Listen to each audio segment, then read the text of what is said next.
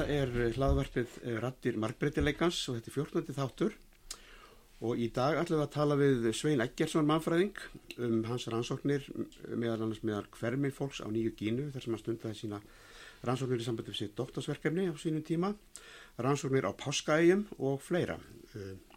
Helstu áherslu Sveins í rannsóknum hafa snúið að efnismenningu, mannfræði skinnjunar og lista út frá sjónarhóli fyrirbærifræði sem á samskiptum manna og dýra. Rannsókn Sveins meðal hverminn fjallaði engum um þekkingu og skinn, um húð sem þekkingar bera og tjáningu menningalega þáttar. Svein hefur einnig skoðað veggjalist, sem við kallum graffiti, út frá mannfræði lista. Svein Eggersson hann fættist í Reykjavík 1954, hann lög bíanámi í mannfræði frá Háskóla Íslands 1990, mistaranámi í mannfræði frá Háskólanum í Manchester og doktorsnámi í sama skóla, frá sama skóla í mannfræði 1997 eftir vettvansrannsók sína í nýju gínuðum. Góður sæl, Svein. Sæl. Hérna, mér langar að byrja því að spyrja þeirra spurningar sem við spyrjum oft í byrjun. Af hverju fórst ég í mannfræði? Vera að vinna á geðdeild? Já, ég byrjaði sko, ég var í listum, lærði myndlist, var að læra myndlist í Mexiko og svo kom ég hingað heim og fór að mála og, og hérna náttúrulega átt ekki salt í gröytin þannig að ég fór að vinna á geðdild. Ég sá að það var góðu kostur, það voru þryggja daga tarnir og svo áttum að frí þrjá daga þannig ég held ég gæti gert hvoru tveggja, málað og unnið. En uh, svo fyrir að vinna bara meir og meira á geðdildin og fekk mikinn áhuga á fólkinu sem var þar og áhugin á, á málverkinu mingaði. Og uh, svona síðan leytið þetta svona hvaða vöðru þessi áhuga á fólkinu var svona áhuga á félagslegum þáttum og, og, og fólki bara almennt og mannfræðin var svona skemmtilegasta félagsvísita fæð. Mm. Já, ég hérna var reyndar líka að vinna svona getil, það var áhugaverð. já, þannig að, að hérna, já, þannig að þar fegstu svona þetta svona impuls um sletti að hérna gera eitthvað í því að vinna með svona sem sagt Já, á geðtildinni kynist maður fólki sem ja. er svona ekki, ekki með þessa venjulegu svona aðkomuða tilverinu og, og þetta er miklu áhugaverðara heldur um allt annað sem maður er að, sko, til dæmis það að, að setja málverk á stryga er svona mjög sjálfkverft mm. og þarna svona opnast maður fyrir öðru fólki og, mm. og lærir að það er fleiri möguleikar í tilverinu heldur en það sem maður er alveg upp við. Mm. Já, og þetta leiti til þess að þú fórst á sem sagt bara í mannfræðinam hérna við HÍ. Já. Já. Og já, já, ég held að... En segðu mér svo við hoppa nú yfir það allt sem að þá, sem sagt, þú, sem sagt, mér langar svolítið að tala við í sambandi við þessar doktorsrannsók, þó við vitum, við vitum að þetta var svolítið, svolítið síðan þetta var, sko, en tíminn er náttúrulega afstæður og, mm -hmm. og mér finnst allavega að, að að einhverja mannfræðar ansóknir eða etnografjur sem eru sko 20 ára gamlar eða, eða 50 ára gamlar mér finnst það einhvern veginn oft verið að auka atriði það er ekki það er oft það sem skiptir það er ekki verra en alltaf því sem er verið að gera í dag og hérna og, ekki, og, og getur verið alveg eins sko relevant þannig og þetta er náttúrulega oft eitthvað sem menn er að vinna úr bara lengi og eftir þessum, þessum gögnum sem menn ná í við svona rannsóknir. Þannig að mér langar að byggja um að segja okkur aðeins frá hérna þessari svona rannsók þegar fóst til nýju gíni þess að uh, kannski ákveður fóstu þangað og, og svona, svona aðeins stuttumál bara svona frá dvölinni. Ég var að, að læra ég tók mastersprófi í hérna Breitlandi og þá var ég að fókusera á skinnjun þá var svona ný tilkomna hugmyndir um til dæmis að skoða skinnfæri og beitingu skinnfæra uh, álíkan hátt í ólíkum menningar heimum og, og svo kynntist ég líka fyrir bæra fræðinni þannig að þetta varð úr þessu varð áhuga á því að gera rannsók sem tengdist skinnjun og þá þessu afstæði skinnjunar að finna eitthvað menningarhóp þar sem að fólk beitti skinnjuninni á annan hátt heldur en við gerum. Af því að hún er náttúrulega sögulega mótuð og uh, til þess að finna svoleiðis fólk þá gerðum við leiðbeinandi minn okkur grein fyrir því að við erum að finna einhvern afskektar stað. Við erum að finna fólk sem hefði ekki orðið fyrir miklum áhrifum frá svona vestrænum sko, já, bæði því að, að fókusera á tiltekna hluti í tilverunni eins og sjónræna hluti og svo framvegist og við leituðum og, og uh, eiginlega Melanesia varð fyrir valinu af því að það voru svo margir í deildinni sem voru annarkvort Melanesia fræðingar eða hafðu gert rannsóknir á nýju kynju þannig að uh, það var svona frekar eðlilegt að beina sjónunum þangað og, og, og við fundum þarna hverminn sem að virtust vera svona einhver, svona mystiskur eða mis, svona leind, leindardómsfullur hópur í, í, í svona mannfræði tekstanum og það aðlega frá barð og uh, ég bara kýldi á það og ákvaða að fara þangað það, það, það virtist lofa góðu mm. að þeir væru ekki mjög mikið undir áhrifum frá svona vestrænum hátum Já, var frekar stöð sem þeir hafðu svona farið að verða fyrir áhrifum frá svona, svona vestrænum menningararfum kristninni og... Já Sko að fólki sem ég var með í rannsóknu eldra fólki hefði algjörlega lífað tvenna tíma. Mm. Maður getur sagt að annað þeir hefðu sko eitt barnæskun í stein, á steinald. Mm.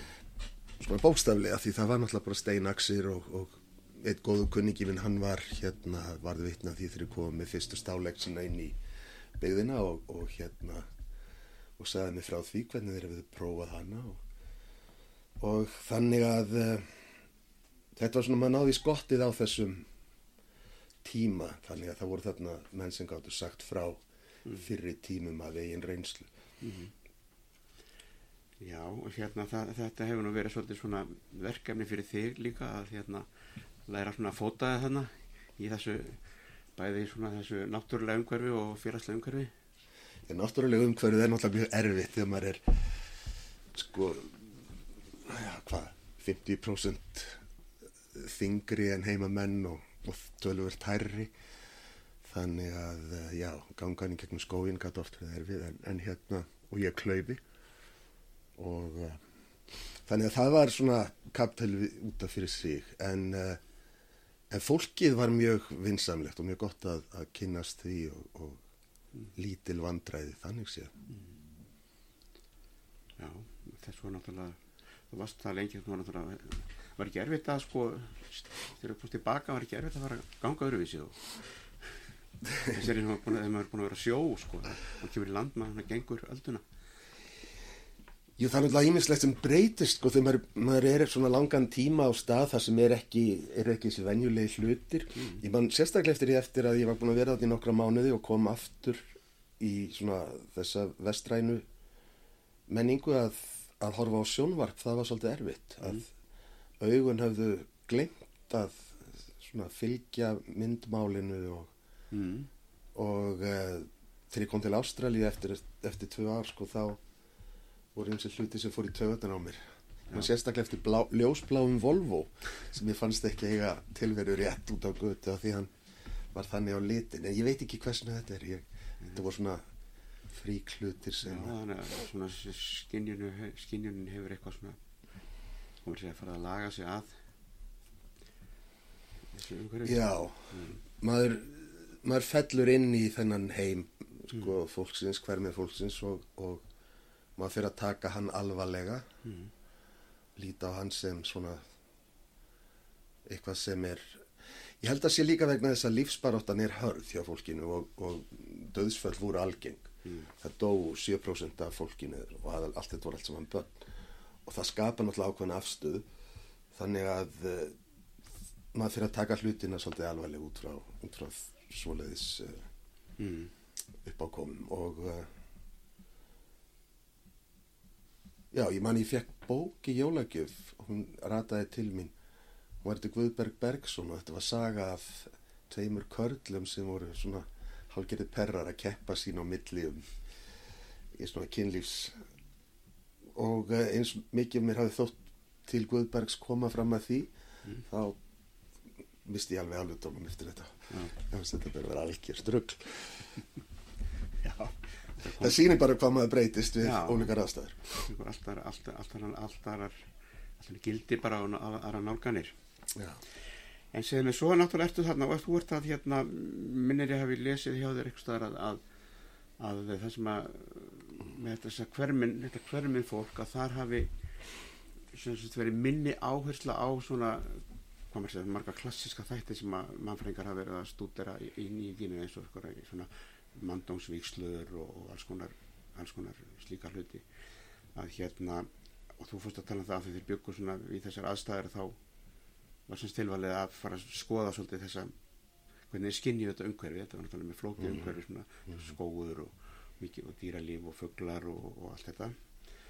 Og hérna og hérna og svo ferð að tala hann um sem þetta við þessi húðina sem sagt skinn sem, sem eitthvað annað en stærsta líffærið. Og hérna skinnjun og svona skinnþekking og séu það svona, svona, svona skinnþekking þetta er svona svolítið áhugavert. Sko þeir náttúrulega eru sko hafðu mandómsvikslur og þessar mandómsvikslur fólu það í sér að það að verða ala upp drengina á tiltekinn hátt til þess að takast á við uh, sko það hlæmis konur óvinni og það að gera þá svona væna að þessu leiti til þess að geta talað við forverana á, á réttan hátt. Þannig að þetta var svona þrýþætt svona prógram sem þeir áttu að, að tilenga sér að, að vera hæfir í. Og um, mandónsvikslunar fólust í því að mestu leiti að, að svona, með alls konar aðgerðum á húðina, það verið að berja þá, hita þá, bleita þá, kæla alls konar sko, þessi húðlega upplifin sem þeir örðu fyrir átt síðan að breyta þeim. Og stundum var þetta náttúrulega mjög harkalegt en þetta gæti líka verið mjög blíkt og, og uh, stundum fenguður alveg mjög mikið að borða og fylltu þá skinnið. Frekar heldur en það væri verið að, að, að, hérna, að pína þá eitthvað. Og þetta líta þeir á sem skóla. Þetta er ekki trúarlegt, þetta er skóli fyrir þeim og, og uh, þetta tók alveg frá því að þeir voru svona 60 ára og upp undir tvítugt sem þeir voru að fara í gegnum svona sjóólík ritual og uh, og þeir eru alveg klárar af því að þetta sé mjög góður skóli að því leitinu til. Þetta gerir kallmenn færari til að takast á við umhverfið og ég held að það sé þó nokkuð mikið til því. Mm. ég held að þetta sé sko maður sér að þetta, það, þetta náttúrulega á ímislegt skilt við sko hvernig hermenn eru þjálfaðir. Mm. og, uh, og þetta stælir þá og, og þetta gefur þeim líka ákveðin, ákveðin fókus í lífinu. Mhm. skapar þeim svona það sem að svona ákveðina hnegðir maður svona talar um að þetta er svona ákveðin disposition sem menn fá. Og uh, já og gera það hæfari til þess að takast á við bæði umhverfi sem er harkalegt á þessum slóðum. Þetta þó þetta sé regnskóur að þá þá drýpur ekki smér af hverju strái það er ekki, það er alls ekki þannig Nei, nei. Þannig að þú, svona, þessi pælinga með skinnið eða húðina, þetta er svona, þetta er líka, sko, þetta, mér skilst, eins og ég skilir þetta sjáður, sko, þetta er líka svona að uh, skinnið, það, það kannski, það miðlar einhvern veginn svona bæði þessu innra og ytra einhvern veginn, á þess að sé eitthvað reyndilega svona skil á milli. Já, þegar maður fyrir að skoða svo hvernig þeir tala um það, einn sagan af því hvernig innvikslur verða til er að snákur hafi tekið formlust skinn og mótað það í, í, í mannslíkama eða gefið í mannsmynd og styrkta og það eru innvikslunar og síðan hafa hann opnað skinnið. Og þessi opnun á skinninu er áhugaverða því leitinu til að það er ekki, þetta er svona frekar líðræðisleg opnun, það er ekki verið að gera greinarmun á, á skinnfærum eða á er, er rass og, og, og, og kynfæri tekin með. Og þetta skapar svona ákveðna hugmyndum að annars vegar er skinnið svona þessi bakgrunn, þessi styrkur þessi hæfi sko líkami. Og síðan koma skinnjunin og hinnar opnanittar á, á húðinni inn sem svona samskipti innri veru við, við umheimin það er ákveðin svona tvíhyggja í þessari framsetningu hjá það og uh, og húðin þarna er í raun og verið þessi flötur, snerti flötur við umhverfið sem að þarf að vera Miðla svona, þarf að styrkja. Svona viðmót sem heitir. já, Já, og þú fórst náttúrulega inn í þetta, þessar pælingar með, með sérstaklega Merlo Ponti í sannsett í fyrirbæraði fræðina.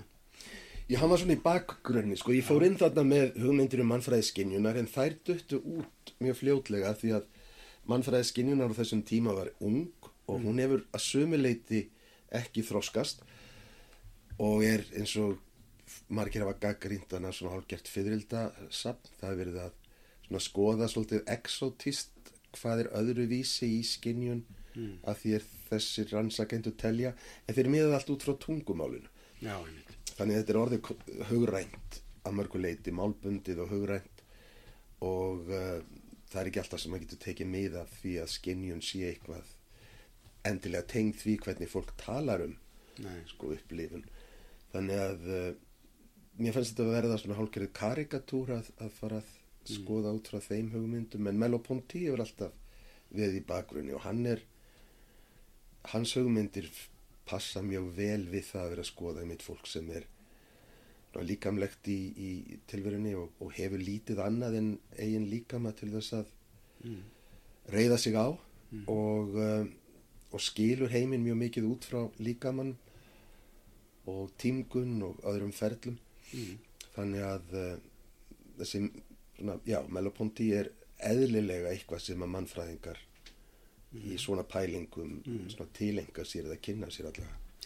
Svolítið svona, við erum að tala um þess að tvo, hvað maður segja, tvo, þessi tvö sjónum þess að tvo heima, þetta vest, þess að vestrænu hefð, hugsa, svona nálgunar hefð og svo aftur á móti til dæmis eins og hverfin, að, að það er kannski erfitt fyrir, segja, vestræna fræðimenn að fjalla um þetta öðruvísi en að detta onni inn í sitt eigið, sína eigin formuleringar sem eru kannski allt öðruvísi heldur en til dæmis þetta er náttúrulega svona, er ekki rétt með svona, þessi svona þessi svona lík, líkamlega svona embodiment, þessi líkamlega skinnjun og nálgun á tilverunni, hún er náttúrulega miklu meira orðlausari. Já, já, já. Hún, er ekki er ekki formulegur í einhverjum uh, hugmyndum og, orðum heldur bara í kannski einhverjum hegðun og, sem er eina ástæðin fyrir því að ég hef volítin áhuga á að skrifa ofta því að það er eiginlega marklust já, en hérna, þetta var náttúrulega eitt af því sem menn gaggríndu við það að taka upp fyrirbæri á sínum tíma því að hún náttúrulega sérstaklega fyrirbæri fræði Meloponti sem tal fjallar um skinjun og mjög mikið um sjónræna skinjun og náttúrulega en líka um það hvernig innar ólíku skinjan eru gýraðar saman. Og það við tekið, ég man fyrst þegar ég kom hérna þá vildum við bara ekki tala við mig þegar ég myndist á fyrirbæri fræði hún var talin uh, háfleig frönsk kenning sem mætti bara sem væri bara eiginlega út úr kú. En hún, hún hefur unnið mjög mikið á og, og það er náttúrulega vegna þess að menn hafa unnið með hana.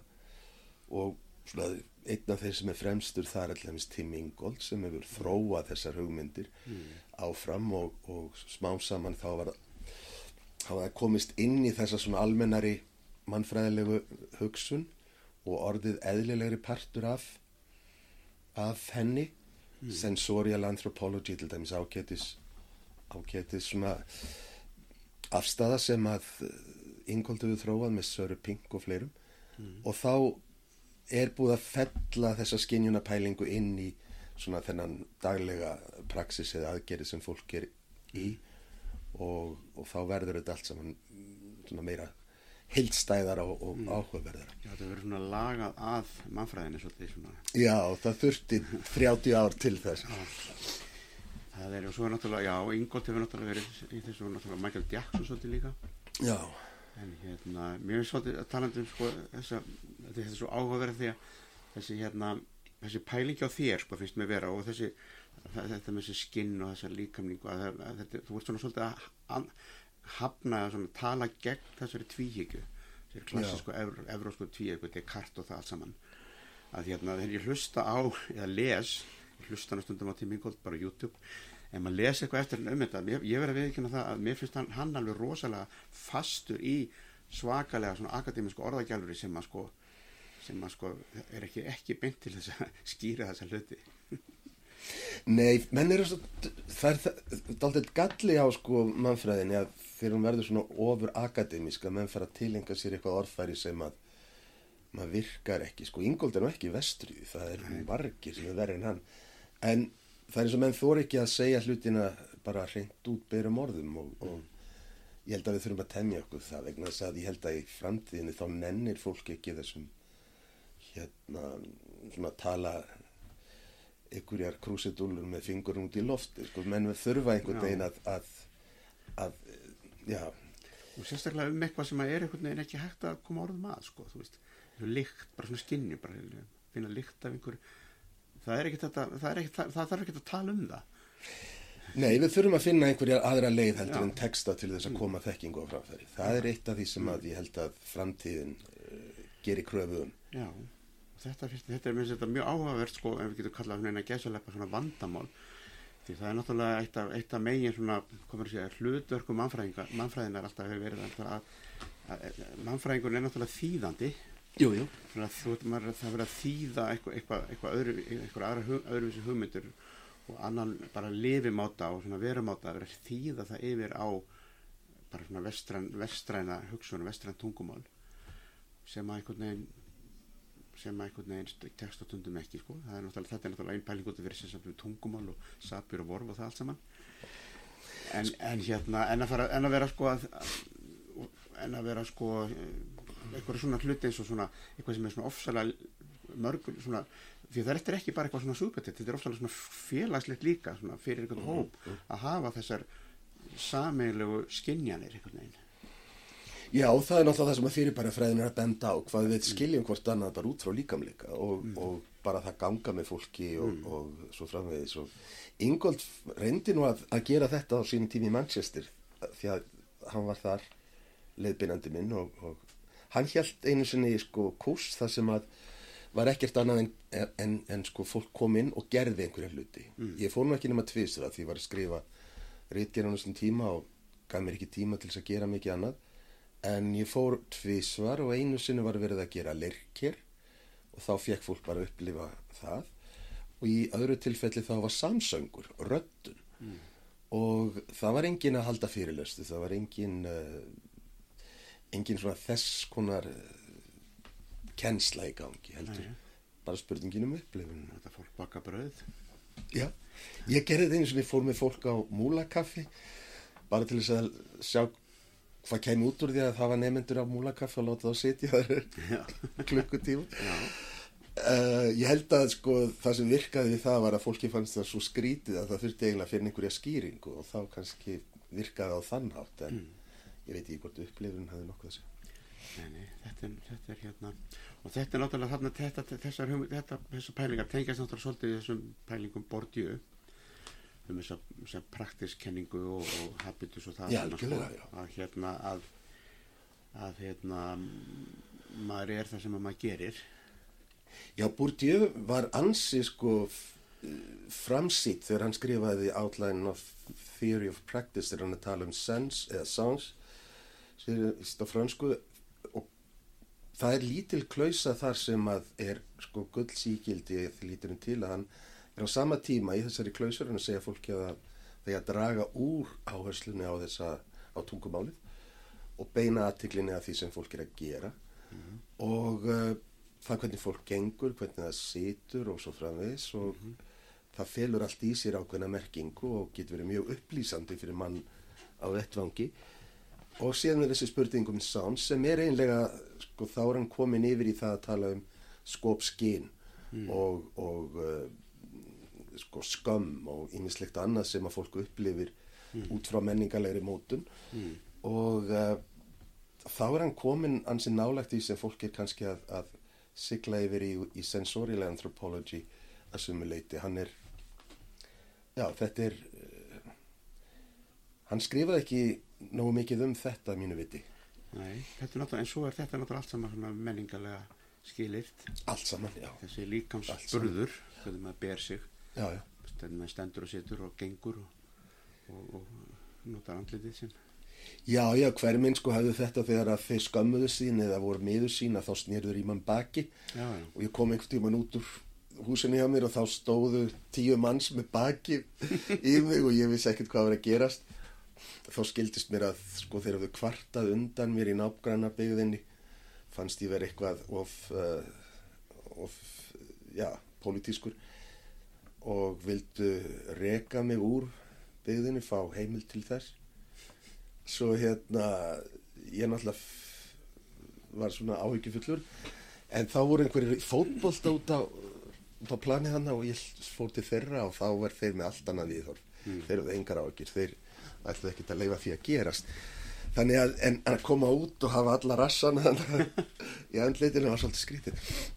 En þeir voru bara að lýsa því hvað þeir þeir væru leiðir yfir þessu. Já. Já, þetta er hérna, og þetta er nú líka svona með þessa skinnjun, sko, þetta er náttúrulega, hún er náttúrulega, þetta er nú margir mannfræðinni hafi líka verið að pæla samt bæðið skinnjun og líka bara samt tilfinningar, tjá, tjáningu tilfinninga, já, já, það er, það er mjög svona menningarlega skilirt hvernig, og þess vegna getur það valdið miskilingi, mjög hópa hvernig maður tjáir hérna, til dæmis eins og þetta skömm eða reyði eða, eða sorg eða eitthvað, eða, eða gleði, það er, Já, það sem náttúrulega hefur háð okkur á Vesturland, menn við erum náttúrulega með ákveðna slagsíðu varðandi skinjun það er að við reyðum okkur miklu meira á það sem er sjónrænt í svona, þegar við erum að hugsa um það sem er þekkingalegt eða skilningur frekar heldur en að taka tillit til einmitt uh, þess sem við heyrum. Og, og þetta er náttúrulega einn grundvallar aðgreiningin sem fólk er að gera það er annars vegar á þessum samfélögum það sem að menn hafa ekki rítmál og þurfa að reyða sig á til dæmis að, að segja sögur. Og, en hjá okkur þá eru þær komnar á svart og hvítu eða í dag í tölvur. Og þá lesum við þetta og, og, og hérna þetta er alltaf nú nálgun. Svo var annað sem að ég var þegar ég var að lesa þetta hjá þér eitthvað sem að ég hefur litið oft pælt í sambandi við skinnfærin sko. Við höfum svona tilneingu til að kannski eðlilega að, að aðgreina þau svolítið sko Mhm. það, við höfum sjón og heyrn og bragð og, og lyktarskinn og snerting og svona eins og þetta sé svona einhver, einhver svona hólf sko Jú, jú. en uh, ég get svona hugsað mér það og, og hérna eins og með fólk eins og fólk sem eins og hverjum sem búa við svona náttúrulegar aðstæður og eru svona, há, svona fólk sem eru vei, bara veiðimenn til dæmis eru háðir því að geta lesið í umhverfið bara upp á að skaffa sér mat Mm að þetta sé, hvort þetta sé ekki líka bara eitthvað svona, þetta rennur saman sem, rennur saman í eitthvað svona sem getur kallað bara svona innsægi að finna á þér hvar, þú veist, eitthvað er að gera að þessi, þetta rennur svona saman þessi skinjunall Sko það var, ég mann sérstaklega eftir, sko við vorum að koma á reytni byggði á leiðin heim og þá voru okkur unglinga með okkur, eldri mönnunum og þeir voru í algjörri fílu eins og unglingar eru oft og, og hérna dróu lappirnar og, og hérna fannst þetta að vera algjörlega síðasta sorta þurfa að vera að ganga þarna til, tilgangsleysi eitthvað. Svo heyrðu þeir í einhverjum fuggli og þá vöknuður allir upp. Og það var mjög áhugavert að sjá þú gripuður bógana og ör og fóru að horfa upp í trjákrónunar fyrsta leið þá vöknuður við það þannig var svona lofórðum mat. Mm. Og hérna um leið það fór allur líka minn og, og það er, maður heyrði það, maður sá það strax sko að eirun beina sjóninni og sjónin beinir handunum Mm. og hérna þetta vann allt saman. Þeir voru bara eins og svona virk virk organísk uh, held og hérna þetta var mjög skemmtilegt að sjá hvernig þeir mm. rís úr fílunni yfir, í, yfir í þrána eftir kjöti. Já, já, og þetta vann allt, allt saman. Já, líka með au- augu, eyru Svo er nú eitt, eitt skinnfæri sem er vannmetið sem að ég hef eftir því sem ég eldist svona eh, farið að gera mig grein fyrir að það er mjög marktækt og næmt. Það eru gatninnar Já, það gefur mig aldrei það sem að kalla sko á ennsku svona gött feeling að finna eitthvað á sér sko. Já, að gatninnar eða svona sem sagt gatnirnar hafa rétt fyrir sér sko. Það er kannski þess vegna sem að sko hérna áður fyrir þá voru gatnir oft notaðar í svona vefréttum sko jú, jú, það var að spá í gatnir og dýrum sko. Þetta er enn en hérna já, þetta er svona áhört og þetta er, þetta er náttúrulega þetta er sko það sem er náttúrulega svo áhört við þetta eins og bara fyrir þig líka bara að, að þú fer þarna með þess þennan útgangspunkt með fyrir bara fræðina og svona þessar skinjuna pælingar og allt þetta að hérna og ert ennþá eftir sem veit, best veit að vinna í þessu. Þa- í, mér finnst þetta svona svolítið eins og þetta er eitthvað svo þetta er eitthvað svo grund, grundvallandi í okkar veru bara mannsins og bara dýra líka að við vitum líka kannski svo lítið um þetta. Þetta er kannski svona svipað bara eins og með heilan og, og vitundina og hérna og þess svona erðaefnið að hérna þú við þykist vera rosalega klári í þessu öllum við vitum rosalega, rosalega lítið um þetta.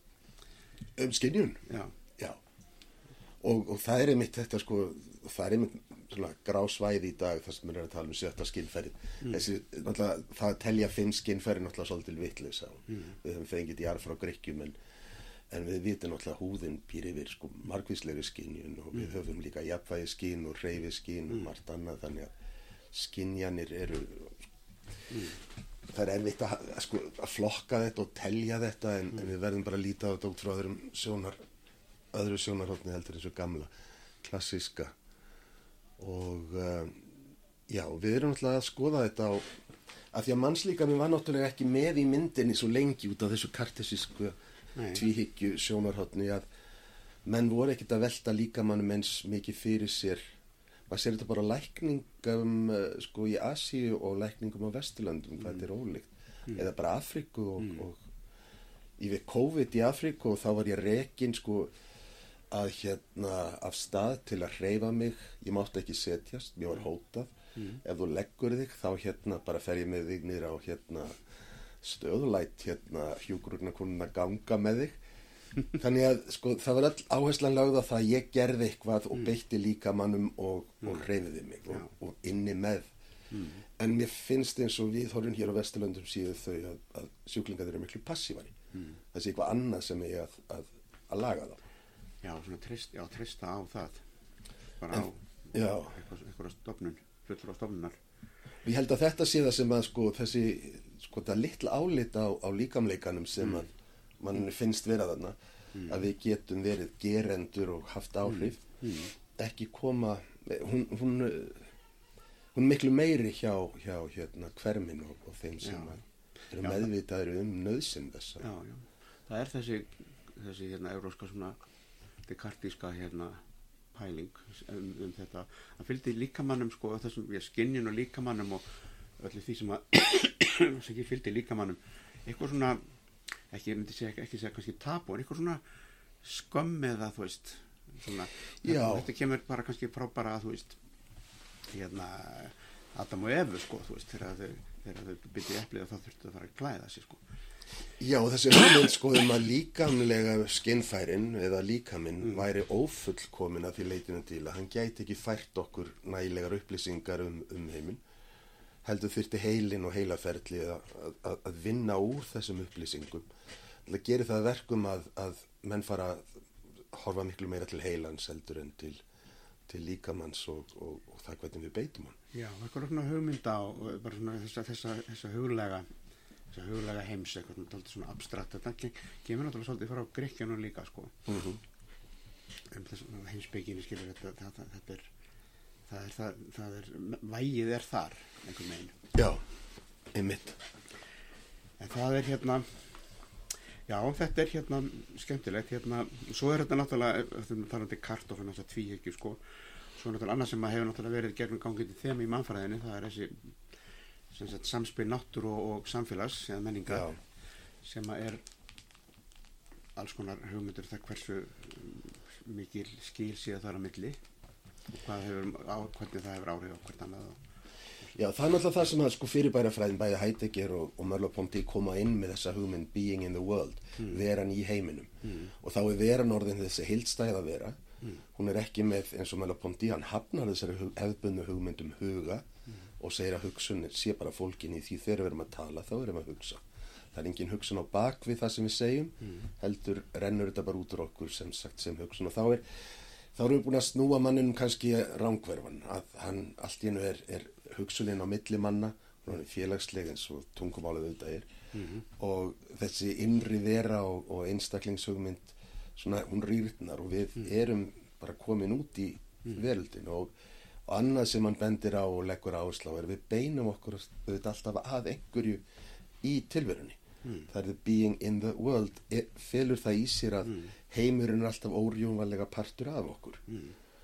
En, uh, en þessi sko hvað maður að segja, hugmyndasaga á Vesturlöndum hefur svona einangrað mannveruna svolítið og gert hana bæði innkverfa og, og, og svona já, ísoleraða frá, frá umhverfinu. Já, reynda, reynda svona einangrana upphefjana frá bara náttúrunni, að, aðskiljan dýr, öðrum dýrum skilur þú veist og eins og bara í upplýsingunni þetta er kartina til að hluti að því öllu saman. Jú, jú. að maðurinn sé sem sagt korun og sköpunarverksins hann sé sér á báti og hann sé sem sagt sköpun Guðs og, og hérna og hafi þar að lendi líka sko rétt á því að gera það sem hann sýnist við náttúruna Jú, jú, og, og, rás, og ráða ráskast með hana og, og, og hérna og hann má kannski segja það að þessi, þessi hérna stað okkar í dag er samt við sko, loftlagsvána og, og, og hérna þessar umhverfisbreytingar eigi sér rætur jafnveg svolítið í þessari hugsun sko, við leifum okkur, við höfum leift okkur að fara með náttúruna eins og bara eitthvað hlut sem við eigum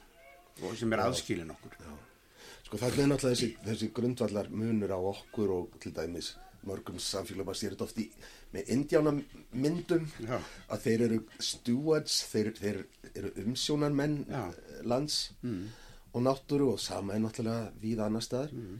Og sumir er náttúrulega að tala um að í biblíunni þegar verið er að gefa manninum sko yfirráð yfir dýrum og, og náttúru að það hafi verið vittlust þýtt.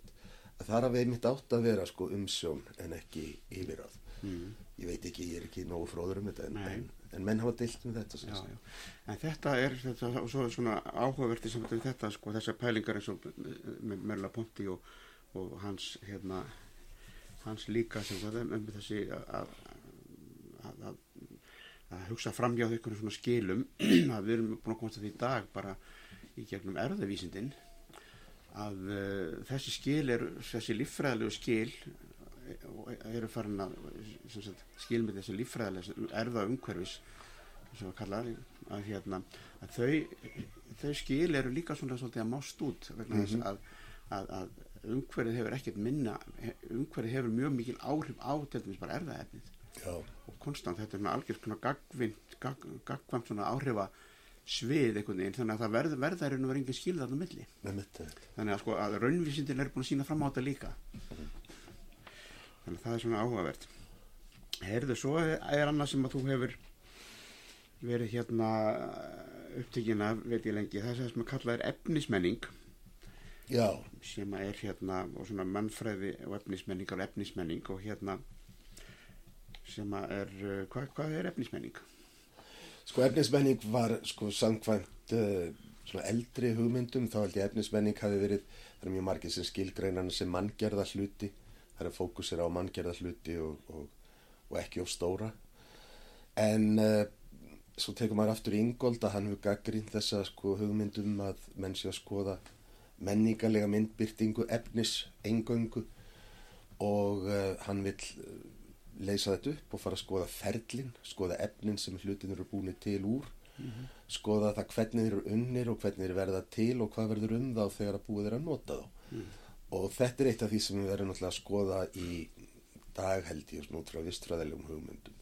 Og hjá Ingold er þetta líka spurningum um, eh, sko bara universalt að við búum í ákveðnu efni sem er loft. Þetta er ekki efnisleysa, þetta er, þetta er ákveði efni og þetta er medium eins og hann hefur frá Gibson bandaríska sálfræðingnum og, og hérna þannig að hann vil leggja hásluna á það hvernig við erum sko þessi ferli og þessi þessi hérna sko þetta samspil til dæmis skinjunar og, og efnisleika.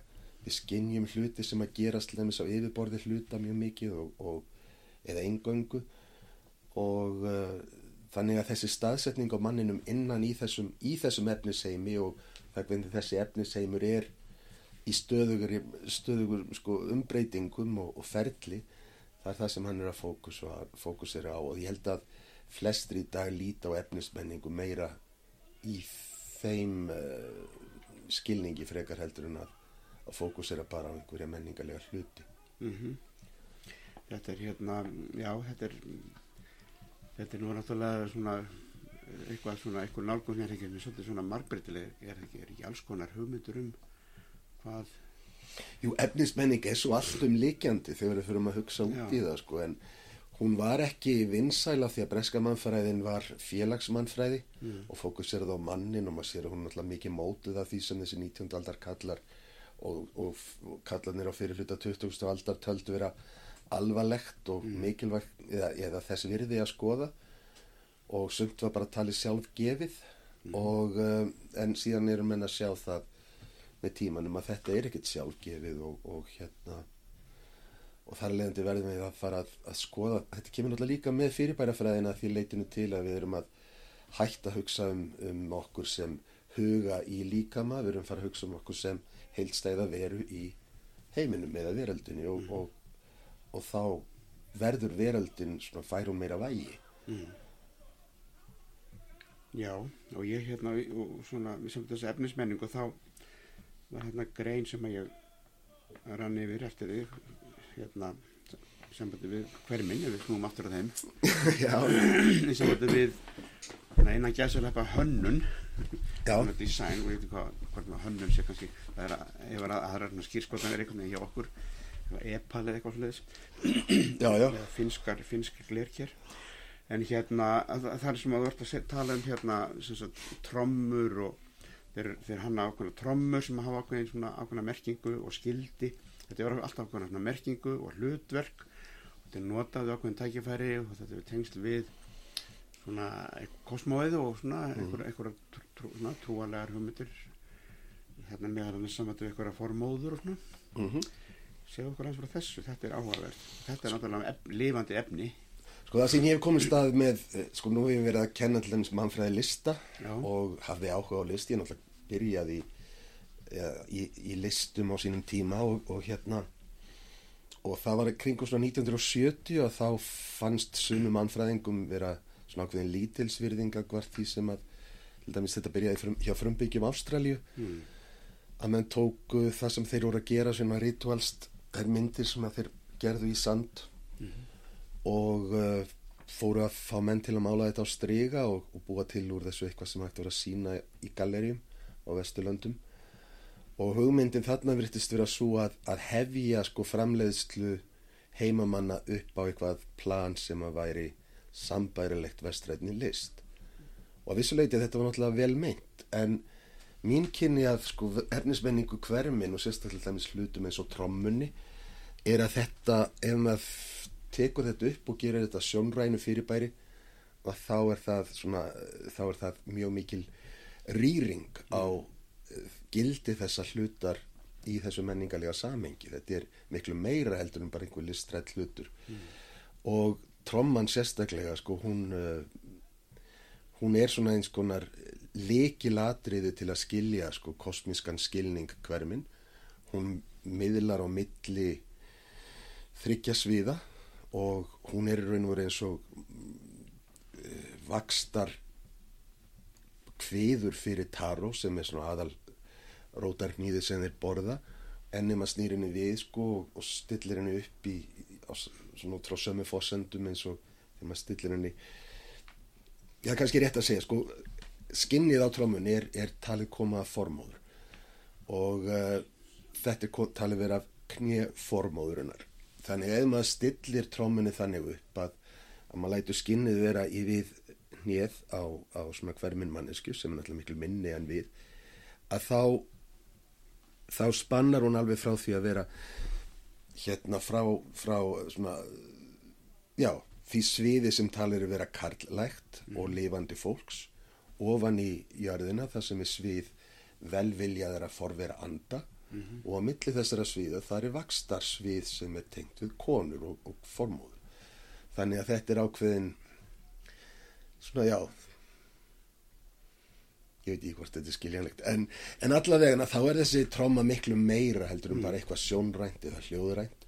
Og á hann eru settir ákveðnir er, eru sett ákveðin efni sem er ekki sko sjónræn. Og það er það sem að menn hafa verið að skoða þessa skildi og einmislegt annað þarna í nýju kynju þeir eru alltaf að tala um þetta sem sko ígildi malningar eða, eða litarefnis þetta er litarefni að því litin en þetta er miklu meira vegna þess að rauða litarefnið er okkur. Og hugmyndun um okkur er að það er fengist úr ákveðnum uh, lindum í fjöllunum. Og þetta er ígildi tíðablóðs uh, formóður og þetta er mjög kraftmikið efni hættulegt efni, sérstaklega körlum. Þannig að þeir verða að vinna þetta á tildikinn hátt og þurka það ritualst áður en þeir geta að nota þetta á þessi á þessa fleti sem þeir bera þetta á. Kvíta efni sem er þarna það er hérna hvað er limestone. Nei, já það er undirliggjandi sko þetta er kvítt uh, dottið úr mér. En, en það skiptir ekki máli. En þetta er sem sagt kemur úr því sviði þar sem að forv eh, vera andarnir vænu eru. Og þannig að þarna ertu komið samstil sko tíðablóð formóður og, og, og þetta hvíta efni sem tengist forverunum og að mörguleiti þá er þetta eins og tíðablóð og sæði Mm. og á milli þeirra þar er ákveðið efni sem er fengið úr tré sem er kallað fokk og uh, þetta efni felur það í sér ef það er borið á húð á fólki þá brennir það húðina Mm. og skilur eftir sér hérna, skilur eftir sig ör Já. og þetta hefur mjög sterkar náttúrulega þá skískotun til uh, sko, innviksnað sem umbreyta húðinni. Mm. það er bara líkilatrið innviksnað er að, er að skilja menn eftir með með nýja tegund af skinni.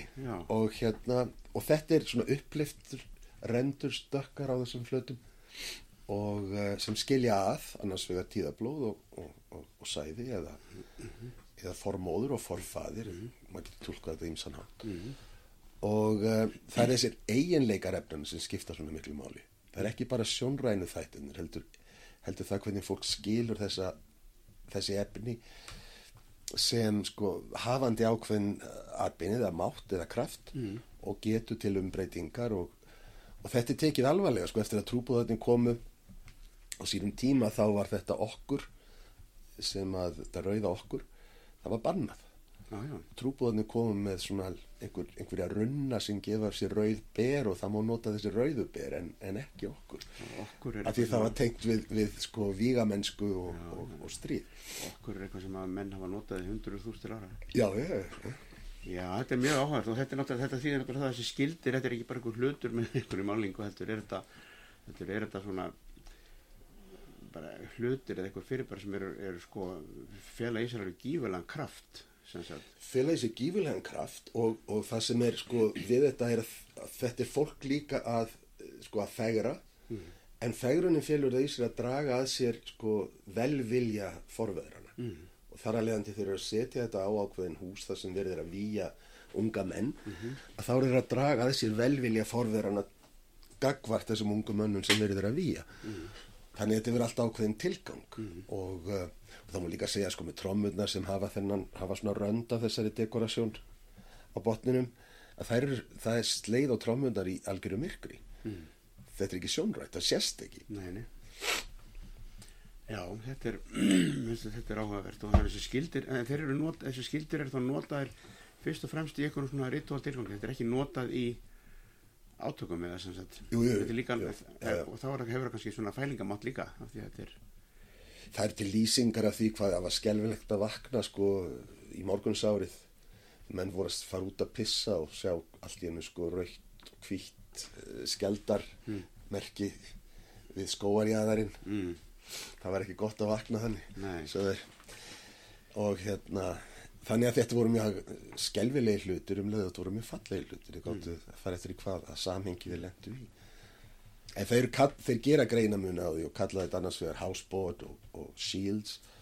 En stundum er þetta er þetta sami hlutur. Já, er einhver ákveðnir aðrar sem að gera þetta, búa þetta til eða mála þetta? Á?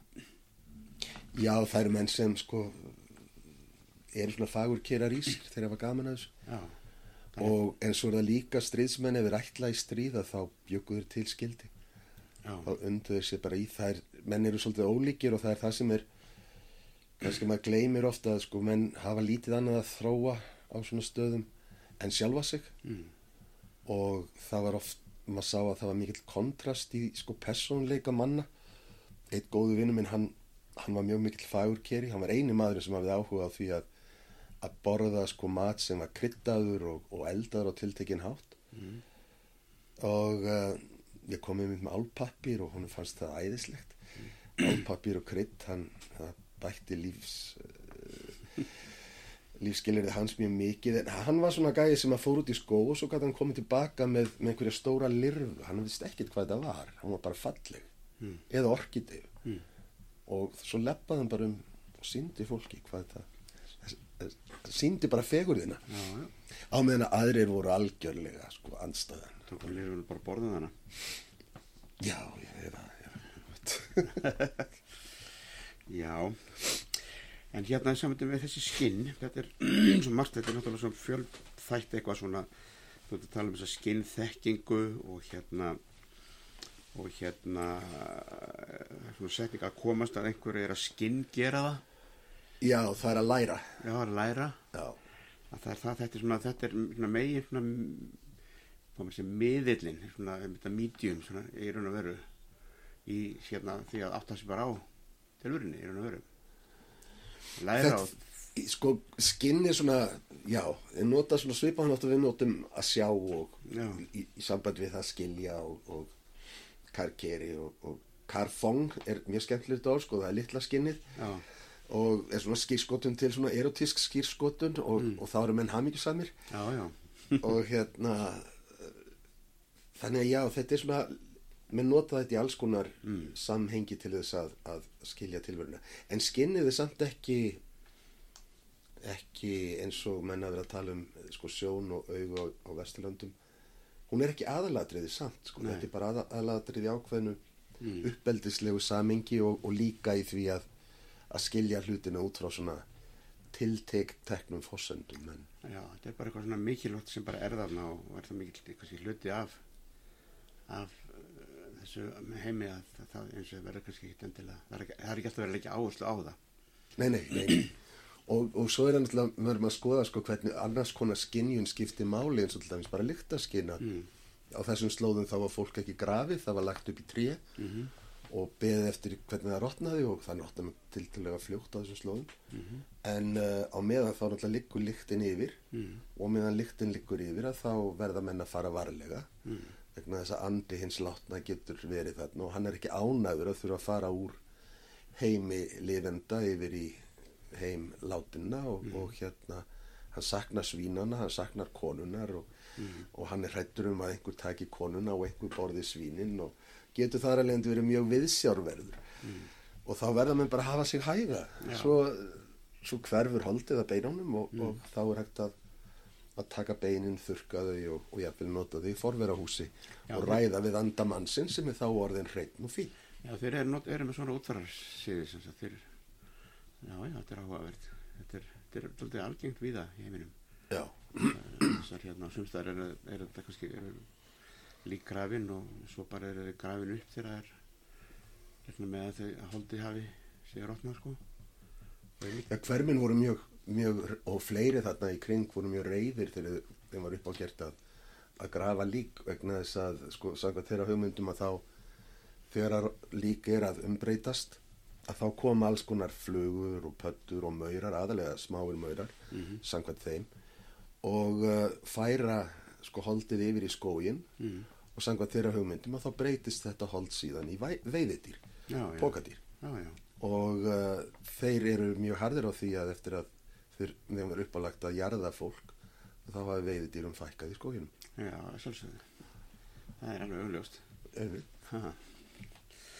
Og hérna svo við áður við klárum hérna um þessi skinn að hérna annað sem er með fannst aðtilsvert sem við vorum að lesa þarna hér þú talar um félagslega skinn og svo svona sjálfi sem sagt þetta félagslega skinn þetta sé eitthvað svona sameiginlega reynsla eða þekking og svona identity og ég er bara einhver tabu sem að, að einkenna kannski einhvern ákveðin hóp.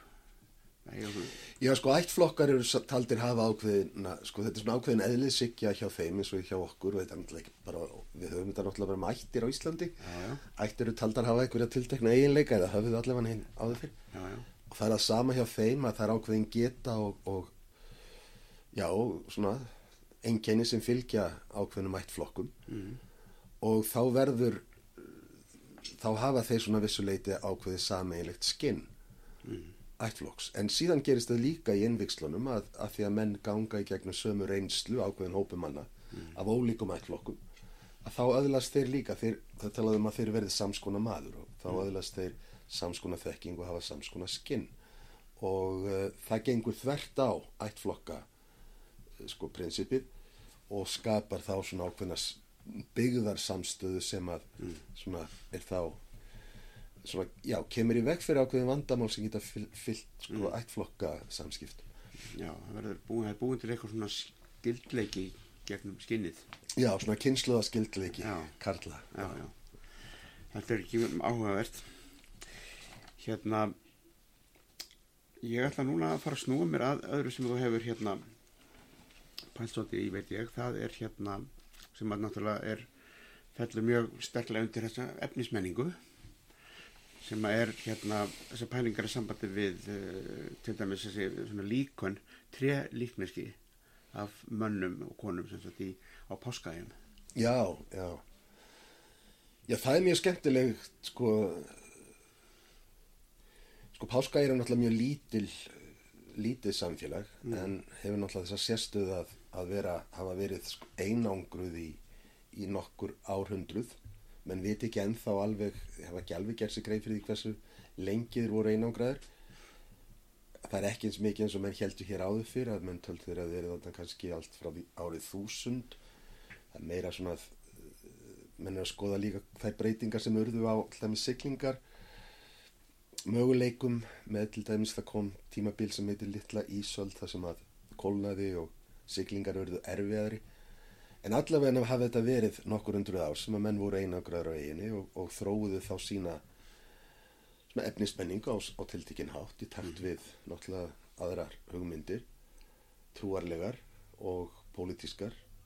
Og uh, þessir þessir hérna þessar tré myndir sem þeir hafa tálka finnst mér að mörguleiti vera jafn áhugaverðar eins og stóru steinkallanir mm. sem flestir horfa á vegna þess að þær eru þær eru raun og veru sami hluturinn í smættaðri mynd.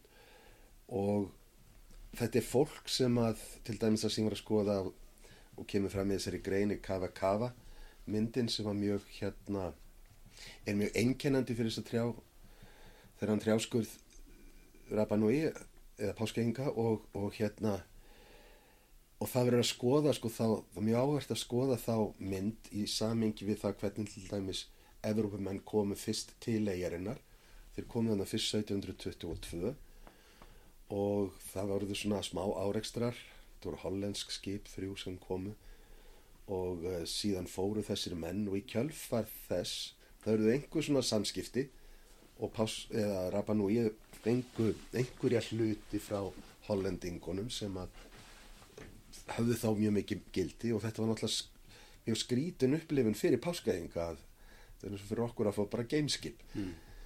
þannig að, að hlutinir hafðu mjög mikinn uh, já, kraft og, e, eða eitthvað, eitthvað gildi sem við getum alltaf ekki alveg gert en, uh, en hins vegar þá voru engin það voru engin, engar trjastittur sem að menn hollendingarnir fengu í skiptum fyrir það sem þeir letu af hendi á þessum tíma. Síðan kemur koma spánverjar 50 árum setna og uh, og síðan kemur Captain Cook og það er ekki fyrir en Captain Cook kemur svona fjórum árum eftir spánverjónum að þá fyrst uh, láta þeir tríja stittur af hendi. Og það svona sýnir svolítið að, að þessar stittur voru mikilvægar fyrir það og uh, þær voru ekki bara eitthvað, eitthvað skraut. Og þegar maður er að reyna að skilja sko hvaða tilgang þær höfðu að það sem að ég verði að reyna að gera alltaf með kava kava skiptastittun er að taka melanesískar hugmyndir eða það er mannfræðilegar hugmyndir sem hafa þróast við það sem að mannfræðingar hafa verið að gera í, í Melanesíu eins og Roy Wagner og fleiri og heimfæra þetta yfir að þessar pólinesísku sko þetta pólinesíska efni og reyna að skilja það út frá þeim. Og þá færum maður ákveðna niðurstöð eins og ég held að með Kava Kava þetta voru stittur sem voru tálkaðar þegar, þegar menn mistu einhvern ástufinn og það sem að stittan sínir þetta er svona stitta sem er svona hálfgerð beinagrind og, uh, og svolítið svona tegði í andlitinu og, og ekki mjög fríð að uh, mann það er svona líkengin við sko látin mann er að mörguleiti það sem manni kemur helst í hug og því maður fyrir að skoða þetta að þá er þetta á tengist sko uppruna saga trjáskurðarins einmitt því að það er konungur sem er að ganga um land og kemur að einhverjum sem er eins og á hvermin einhverju lík sem liggja þarna úti á viðavangju og er, er að rotna.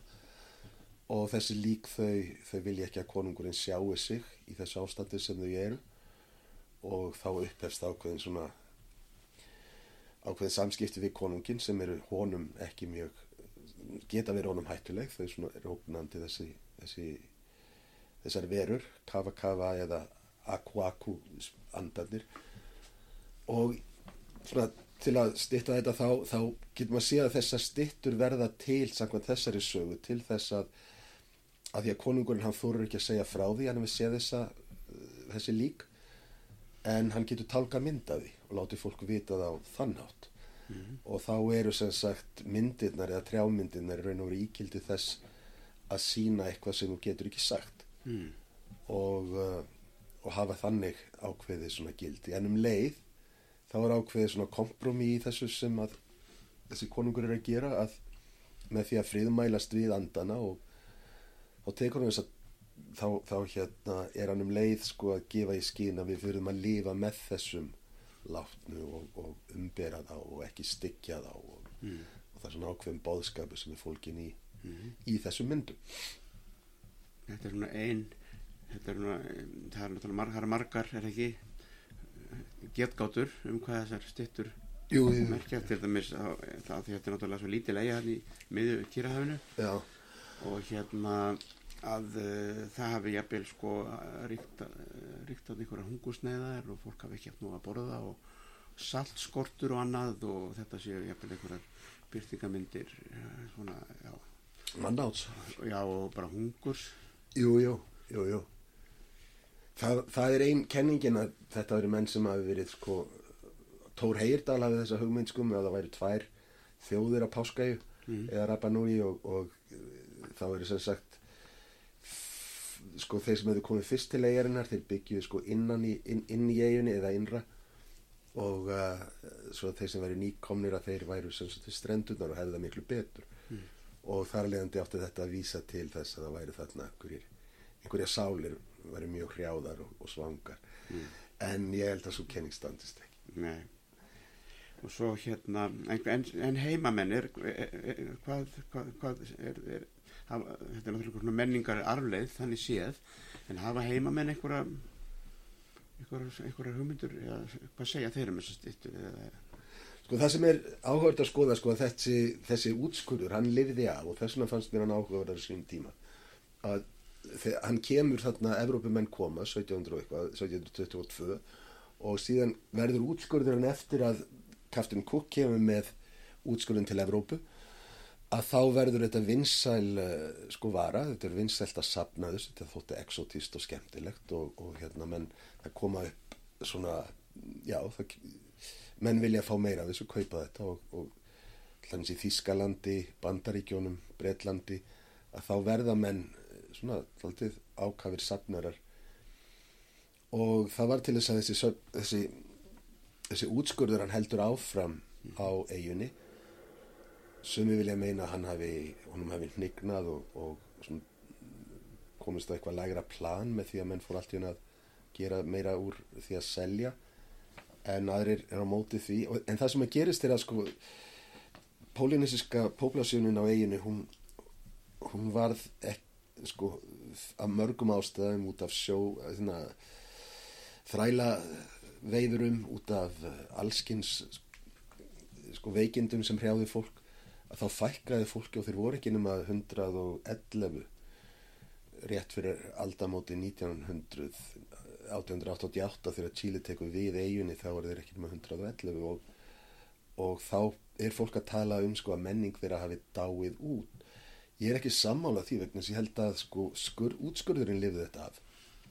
Mm, og dafnaði aftur.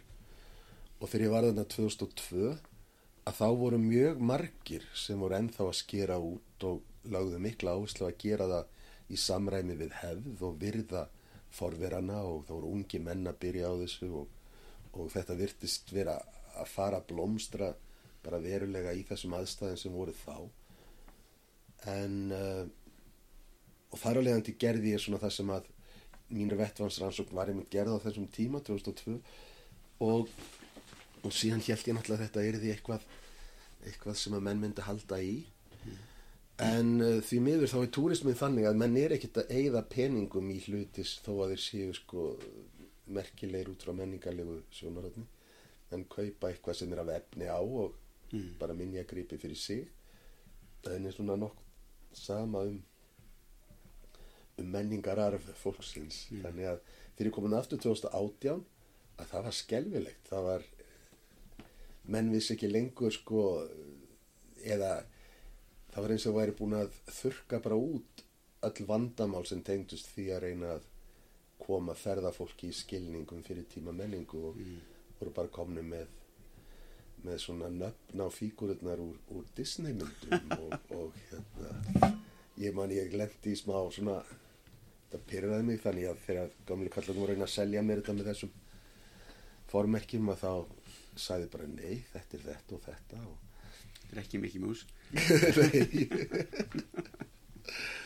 Og það sem, sko, maður fattar þarna þessi mannfræðingur sem er náttúrulega álgjörðu nörd að lesa allt í kringum sko hlutina og, og kynni sér allt og ég búin að taka viðtal við dópi að fólki 2002 allt í maður orðin þessi nörd sem kemur allt í hennu frá Íslandi inn í þetta litla samfélagi þar sem menn eru alveg búin að fá leið á þessu kæftæði og eru bara að hugsa um að já, kaupa þriðja bílinn og heimilið og, og hérna svo framvegis að uh, maður einlega orðin maður einlega orðin sko anakróniskur Mm, já, eitthvað svona, forn, eitthvað svona, eitthvað svona fornaldar hérna safnvörður bara. eitthvað svo Að, að utan já, maður, maður, maður, já, það er óskað eftir því að maður þegi. Já, ekki verið að skemma businessin. Já, En þetta er náttúrulega sem veit ég líka að þú hefur svolítið stútir að þetta er náttúrulega mjög víða hefur þetta, bara mjög víða til í Afríku hefur þetta, er þetta orðin bara túrista, túrista business, svona alls, allski stýttur sem kannski voru á, áður höfðu einmitt eitthvað svona, eitthvað svona menningalegt, svona samfélagslegt og svona rituelt hlutverk og merkingu og voru svona hálf svona helgir greipir sem þetta er bara orðin já, ég gerði smá tilraun, sko, ég þegar í Malawi 2007, að þá var ég elda kæristuna, í, hún var að gera rannsóknur á HIVAF og ég fór að, fór að heimsækja hana, þar sem hún var við Malawi vatn og hérna, ég hugsaði sko ég gæti þá gert eitthvað líka og, og samdi við útskurðamenn og sölumenn á svona stittum sem voru þarna upp við þjóðvegin um að gera fyrir mig myndir sem að myndu vera þá eh, eitthvað sem tengdist HIVAF AIDS sem að síndi HIVAF AIDS og í kjálfari fekk ég alveg dópju af, af alls konar fígurum og, og hérna, þetta var einlega þremur, þremur hollum sem að gera þetta en, en hérna en niðurstaðan var svo að þeir náttúrulega flestir voru náttúrulega bara að búa til sögu Mm. Komið bara með einhverja fíguru sem það áttu og bjuggu síðan til fallega sögu Já, eða þeir talguðu hana til og gerði hana hóraðri Já. þannig hún er þið veikindalegri en þetta var allt samspurningum bara, bara að leika sér og, og, og hérna. Það var einn og eitt sem gerði alvöru mynd en, en, uh, og þær voru fínar en þeir voru held ég þrýr sem að lögðu það á sig. Þannig að þetta er orðið mjög algengt við um heima það er verið að, að selja túristum eitthvað sem að á að vera svona svona, svona sletti svona authentic eitthvað svona sem að er náttúrulega bara Kristín hefur svolítið skrifað um þetta líka. Sem þetta er svona útabi og við varum bara að búa til.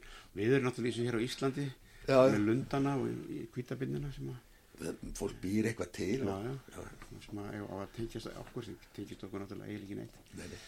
Þannig að hérna, hérna, já, þetta er hérna skemmtilegt, hérna, mér fannst þetta mjög, mjög áhugavert að fara í gegn, fara yfir þessa hluti.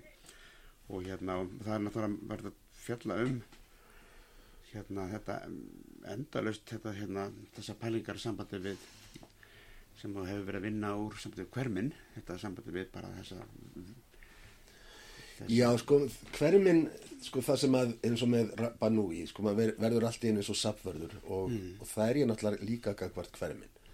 Og þau- maður hefur þau forréttindi þegar maður kemur á vettvang að á, á svona tímamótum eins og voru hjá þeim, það sem að, sko, unga fólki vildi ekkit hlusta á gamla liðið. Þeir voru, sko, hverminn voru náttúrulega því marki brendir af þeim sem voru utanakomandi að þeir hafðu náttúrulega stunda mannátt mm, og uh, sem að gerði þá mjög neikvæða í augum margra. Og og yngra fólki vildi einlega hrista af sér sko þessa neikvæðu skýrskundan þannig orðstýr. Já, á meðan en, en þegar að ég fór að hafa áhuga á því sem að gamli kallar voru að segja eða eldri menninni, þú voru ekki sérstaklega gamlir þau voru yngri en við erum núna. Og hérna þá þá urðu þeir margir sko mjög gladir að einhver skildi vilja hlusta á þá og líka það að þeir sko gerðu sig grein fyrir því að þarna veri komin tækifæri til þess að sapna ákveðnum hlutum. Og að því að ég tók náttúrulega viðtöl við þá upp á, á segulband og, og hérna á og þetta er til. Og og þetta var til þess að, að sko þeir fóru að hl- svona ég kannski vildi ekki alltaf því sem þeir voru að segja mér en, en mér að blóða til skildunar, ég var að taka við því og ég var að hlusta á sögurnar hjá þeim. Mm. og uh, þannig að ég er náttúrulega með mjög mikið sapn af efni sem að uh, ég get unnið úr og hef unnið úr síðan. Mhm.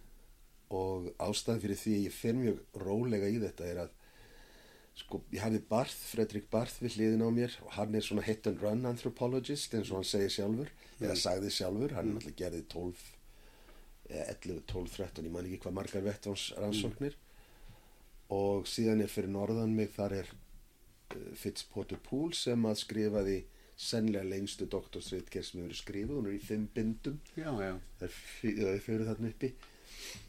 Og uh, það er svona brandar í mannfræðinu þegar ég var að fara á vettvang hvað fólk hefði komist langt í já. metið var 700 blaðsíður sem ég held ég sé 2,5 bindi þannig að þetta eru tveir skrítni fuglar þarna sem eru kringum mig og, og mér fannst ég þurfa að sko, vera svolítið svona common sense Mhm. náungin á þessu svæði Já. Þannig að ég fer mjög hægt í þetta, ég, mm. minna, ég líti ekki á þetta sem eitthvað sem að uh, þetta er, mann er falið eitthvað og, og Mm. ég finnst það bara fínt að, að dóla mér við þetta. Þeir tölu, það eitthvað svona pigeon. Tókbissing, já. Já. já. Já, já, já. Ég læriði sko tókbissing, loksins, og ég læriði þó nokkuð sko í heimamálinu, Mm. en eins og þeir sagðu, hann kann bara nafnorðin.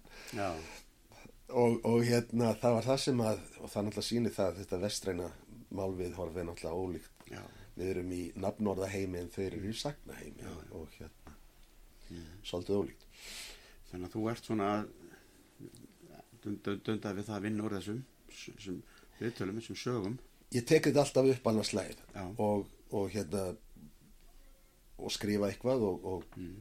ákveð svo að, að að þetta er svona efni að maður, það er svo auðvelt að gera það illa Mm. og, og uh, þannig að uh, og maður er kannski að hugsa eitthvað einn daginn og, og, og, og síðan er ágætt að koma þessu eftir og Mm. með ég hef ekkert annað við þetta efni að gera ég. Nei. ég get náttúrulega verið að dundra út eða hefði getað dundra út einhverjum pappirum á sín tíma það verið annars konar en Mm. mér að það verið eiginlega það eiginlega verið svona Mm. dán til sóun Segðu mér þegar þú ert að hlusta á þetta. Farið ekki svona nostalgíu til vinningur? Langar Jú, ekki, ég get ekki hlusta á svolítið þessu fer ekki bara langar ekki tilbaka líka bara. Jú, ég held að sko það er eitt af því sem maður kemur út á vettvangi sko þegar maður er maður saknar þessara kalla sumra Mm. ég skýrði son minn í höfuðið á, á mjög góðum vinni mínum Mm. sem var óvinnu minn fyrir kom fyrst í byggðina en, en síðan urðum við mjög góðu vinnir og hérna mörguleiti sko var hann eh, að, aðal talsmaður minn með tímanum í byggðin og hérna ég skilði son minn í höfuð á honum og, og það var mjög erfitt að skilja við hann Já. Þetta er náttúrulega verður, þetta er náttúrulega, þetta sem ég gerir sér ekki greið fyrir þetta mjög, þetta er náttúrulega svona intense reynsla. Já, tímaskinslega þá er náttúrulega þessi tvö ára vettvangi á við tíu ár Já. utan vettvangs Þetta er svona intense reynsla. Ég- var, þegar ég var í mínu mastersinu þá var ég fjóra mánuði þannig í Ghana, bara einhverju þorpi lengst út í Raskati sem var náttúrulega miklu styttri tími en mér fannst þetta að vera alveg rosalega intense Já, intense hérna, reynsla að þessan tíma og hérna og, og talandi um skinjun sko, tengst skinjunar við svona til dæmis bara tilfinningar og, og að hérna þegar ég var nýkomin heim aftur þá hlustaði ég var mikið á Bach. Já, þegar ég var eitthvað að vinna úr þessu sem ég var alltaf að hlusta á Bach. Í hverskil sem ég spila Bach þá flassa ég bara hann tilbaka en mjög fint þegar ég, hlusta Bach það fyrir til Afríku. Ég var með eitt uppáhaldslag, ég fór með nokkra spólur og ég hlustaði náttúrulega á Dylan og það var með eitt lag sem var Tell Me og það var svona einkennislægið fyrir í lengri tíma sko þegar ég var að reyna að, að, að fá svona upplýsingar hjá fólki. Já, já, já. það passa vel.